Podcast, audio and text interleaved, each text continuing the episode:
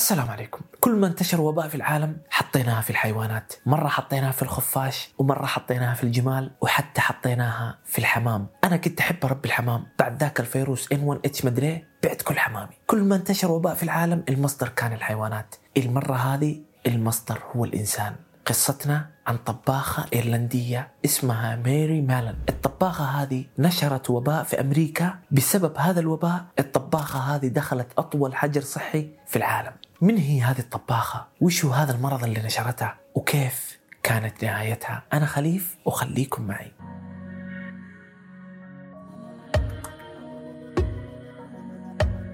الراعي الرسمي لحلقتنا اليوم هي النظافة. انتبه يا صديقي إنك تاكل أكل من الشارع أو تاكل أكل ما أنت عارف من طبخه. اهتم بالأكل اللي يدخل لبطنك. كل شيء تاكله لازم تعرف مين سواه مين طبخه كيف طبخه لا تاكل أي شيء. وإذا إنك ما أنت مصدقني كمل معي هذه الحلقة. تبدأ قصتنا من إيرلندا. في عام 1869 ولدت ماري مالن في إيرلندا. أيامها في إيرلندا في مجاعة كبيرة أكبر مجاعة في أوروبا. المجاعة الكبرى. اسم هذه المجاعة مجاعة البطاطس. وموجودة هذه الحلقة في قناتنا وتقدر تتابعها بعد ما تخلص هذه الحلقة. المهم المجاعة هذه تسببت إنه 50% من الشعب الإيرلندي يهاجر لخارج البلد. وميري كانت من الناس اللي هاجروا لأمريكا. كان عمرها 15 سنة. وصلت ميري لنيويورك. وعاشت مع عمتها وبدت تشتغل في البيوت تنظف البيوت. اكتشفوا الناس إنه ميري طباخة وفنانة في الطبخ فبدت تشتغل في الطبخ وتوظفت عند عوائل محترمة. في عام 1900 ميري اشتغلت عند عائلة في نيويورك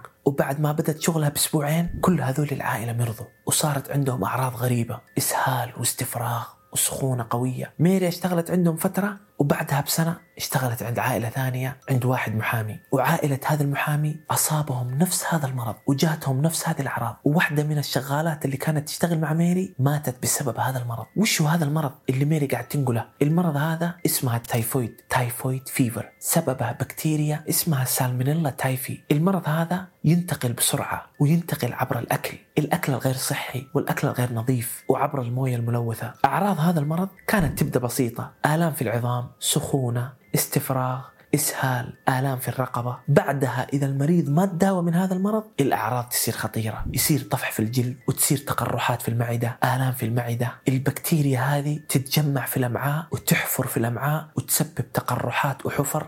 في الأمعاء. وهذا الشيء يسبب الوفاة. الدكاترة والأطباء كانوا عارفين هذه البكتيريا. كانوا يعرفونها مع إنه علم البكتيريا ما هو مكتشف وما هو معروف بهذا الطريقة اللي معروف فيها اليوم لكن الدكاترة كانوا عارفين بهذه البكتيريا. بس ما لها أي علاج وما لها أي لقاح. فكانت هذه البكتيريا قاتلة. مرض ال typhoid fever كان قاتل والناس كانوا يخافون منه في ذاك الزمان. الطباخة ميري مالن قاعدة تنشر هذا المرض. قاعدة تطلع من وظيفة وتدخل على وظيفة ثانية. تطلع من بيت وتدخل بيت ثاني. في عام 1904 توظفت عند عائلة ثانية. العائلة هذه كانت مكونة من ثمانية أشخاص. سبعة منهم أصيبوا بمرض التايفويد. وطلعت من هذا الشغل وراحت للعائلة الرابعة وصار لهم نفس الشيء. كل مكان ميري تروح له يظهر فيه مرض التايفويد. كل عائلة ميري تروح تشتغل عندهم تصير عندهم هذه الإصابات وكل العائلة تمرض وتصير عندهم حالات وفاة. وفي عام 1906 اشتغلت في منطقة جديدة في نيويورك اسمها أويستر باي. اشتغلت عند واحد اسمه تشارلز وورن هذا الرجل كان يشتغل في أحد أكبر بنوك نيويورك وكان عندها فلوس وعائلتها تعتبر من أرقى عوائل نيويورك.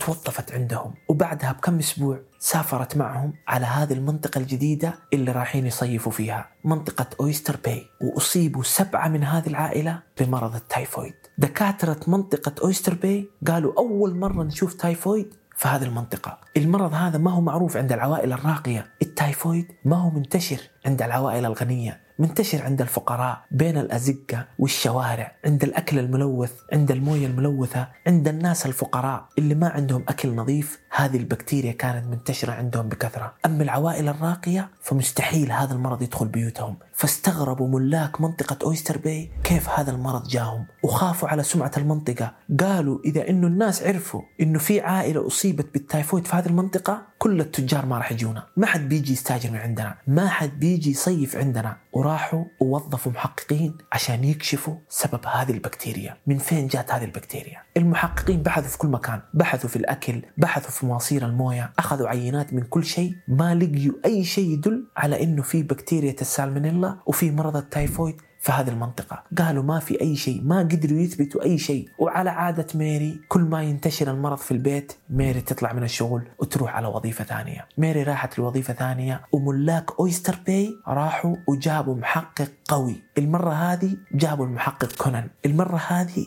يبغوا يعرفون سبب هذه البكتيريا. ميري الحين تركت الشغل وراحت توظفت في منطقة ثانية اسمها بارك افنيو عند شخص اسمه والتر بوين. بعد كم أسبوع وهي شغالة عند هذه العائلة ثلاثة من الخدامات اللي شغالين معاها في المطبخ أصيبوا بهذا المرض أصيبوا بالتايفويد. والمصيبة إنه بنت من هذه العائلة الغنية اللي هي بنت والتر بوين أصيبت بمرض التايفويد وماتت بسبب هذا المرض. في نفس ذيك الفترة ملاك أويستر باي كانوا جايبين محقق المحقق هذا اسمه جورج سوبر المحقق سوبر بدأ يبحث بدأ يسأل الناس وعرف إنه كانت في طباخة شغالة في هذا البيت وتركت الشغل وقعد يبحث. عرف إنه المرض انتشر في هذا البيت بعد ما جات هذه الطباخة بثلاثة أسابيع وكان خبير في مرض التايفويد. فعرف إنه سبب هذا المرض هي هذه الطباخة الايرلندية وقعد يتبع خطواتها. راح شاف إنه في عوائل كثير أصيبوا بهذا المرض قبل هذه العائلة واكتشف إنه كل هذول العوائل أعطوا نفس مواصفات ماري مالن. وقالوا إنه هذه الطباخة ميري مالن الإيرلندية كانت عندنا لما انتشر هذا المرض. وأول ما سوبر سمع عن البنت اللي ماتت في بارك أفنيو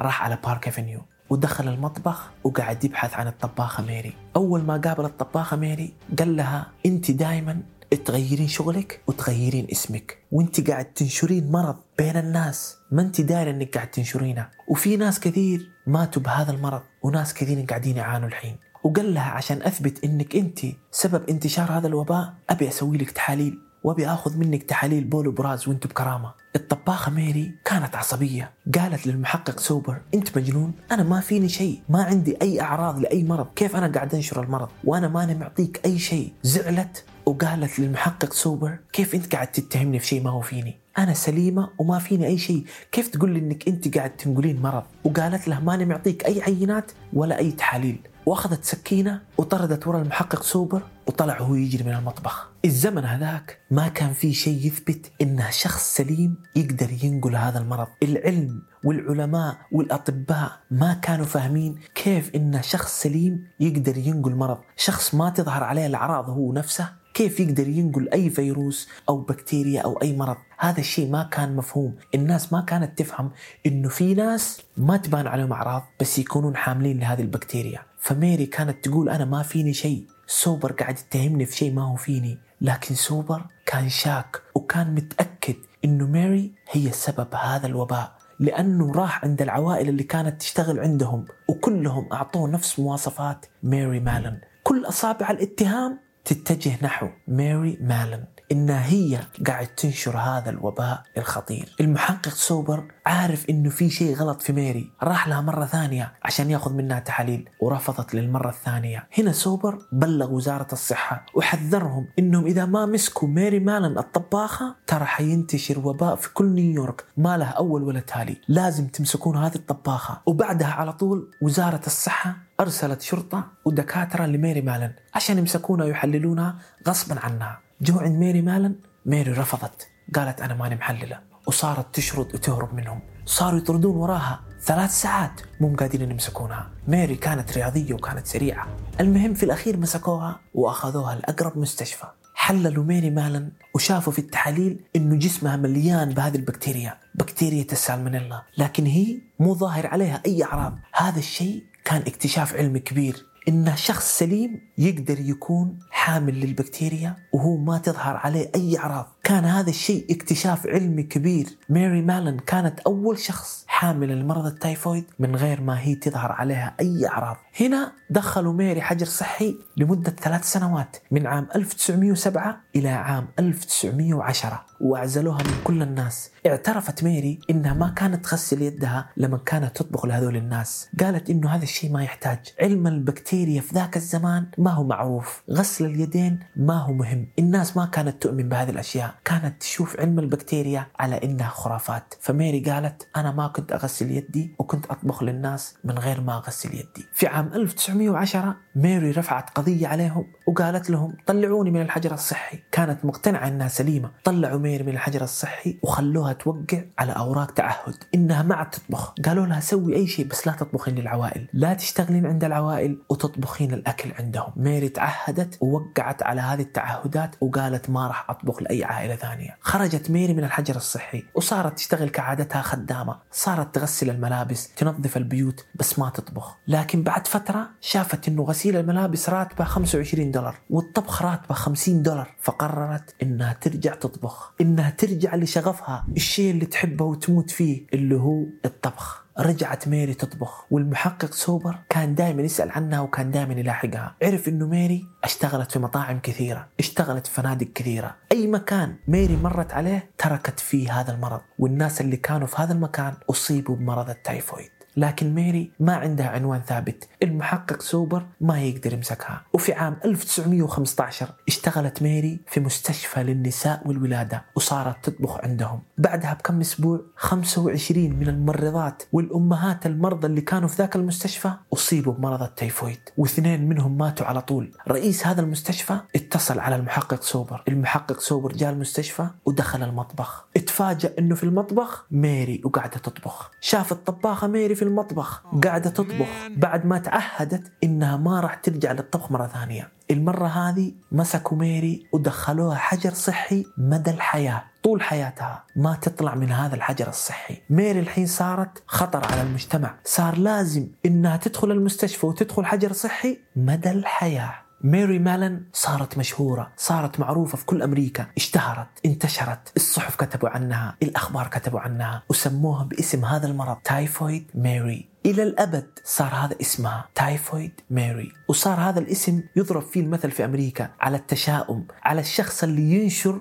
سوء الحظ بين الناس صار يسمونه بهذا الاسم تايفويد ميري ميري كانت مقتنعة إنها سليمة. كانت دائما تقول أنا ما فيني أي شيء. وإنكم أنتم ماسكيني ومدخليني هذا الحجر الصحي بسبب مؤامرة على الإيرلنديين. الدولة متآمرة على الإيرلنديين المهاجرين. وميري كانت دائما تقول إنه أنا حقوقي ضايعة في الحجر الصحي. كل يوم تحاليل غصبا عني وكل يوم يدخلون علي إعلاميين عشان يصوروني ويستجوبوني كل يوم. وفوق هذا كله يدخلون علي طلاب طب يتعلمون علي ويشوفون مصدر مرض التايفويد ويشوفون كيف بدأ مرض التايفويد في أمريكا وأنا ماني راضية وغصبا عني. المحقق سوبر زار الطباخة ميري في الحجر الصحي وقال لها راح أكتب عنك كتاب وأنا وانت راح نستفيد. راح ندخل فلوس من هذا الكتاب وانت راح تستفيدين وأنا راح أستفيد. الطباخة ميري قالت لها أنت مجنون تخيل إنك سموك باسم مرض. أنا اسمي تايفويد ميري. كيف تبيني أسوي فلوس من سمعتي؟ أنتوا لعبتوا في سمعتي. وميري رفضت هذا الاقتراح ورفضت هذا الكتاب ورفضت إنها تقابل المحقق سوبر. كانت تكره المحقق سوبر. كثير من الناس كانوا يشوفون الطباخة ميري ظلمت. كانوا يقولون حرام شخص يدخل حجر الصحي مدى الحياة. الطباخة ميري ظلمت وكانت ضحية مرض التيفويد. كثير من الناس كانوا واقفين مع ميري. لكن بعض الناس كانوا يقولون إنه ميري ما ظلمت وإنها تستاهل ما جاها لأنها كانت تغير اسمها وتغير شغلها وكانت تكذب على الشرطة. برأيك أنت اللي تشاهدني هل تتوقع إنه ميري انظلمت ولا إنها تستاهل ما جاها؟ إلى هنا وتنتهي قصتنا لهذا اليوم. كان معكم أخوكم خليف. إذا إن قصة الطباخة الايرلندية عجبتك اضغط لنا على ال like. وعندنا قصة عن حياة الايرلنديين وكيف هاجروا على أمريكا والمجاعة الكبرى ومجاعة البطاطس. الحلقة موجودة في قناتنا. تابعها لا تفوتك. إذا إنك جديد عندنا في القناة اشترك عندنا في القناة. فعل زر الجرس عشان توصل كل قصصنا الجديدة. وحنكون معكم في قصة جديدة. السلام عليكم.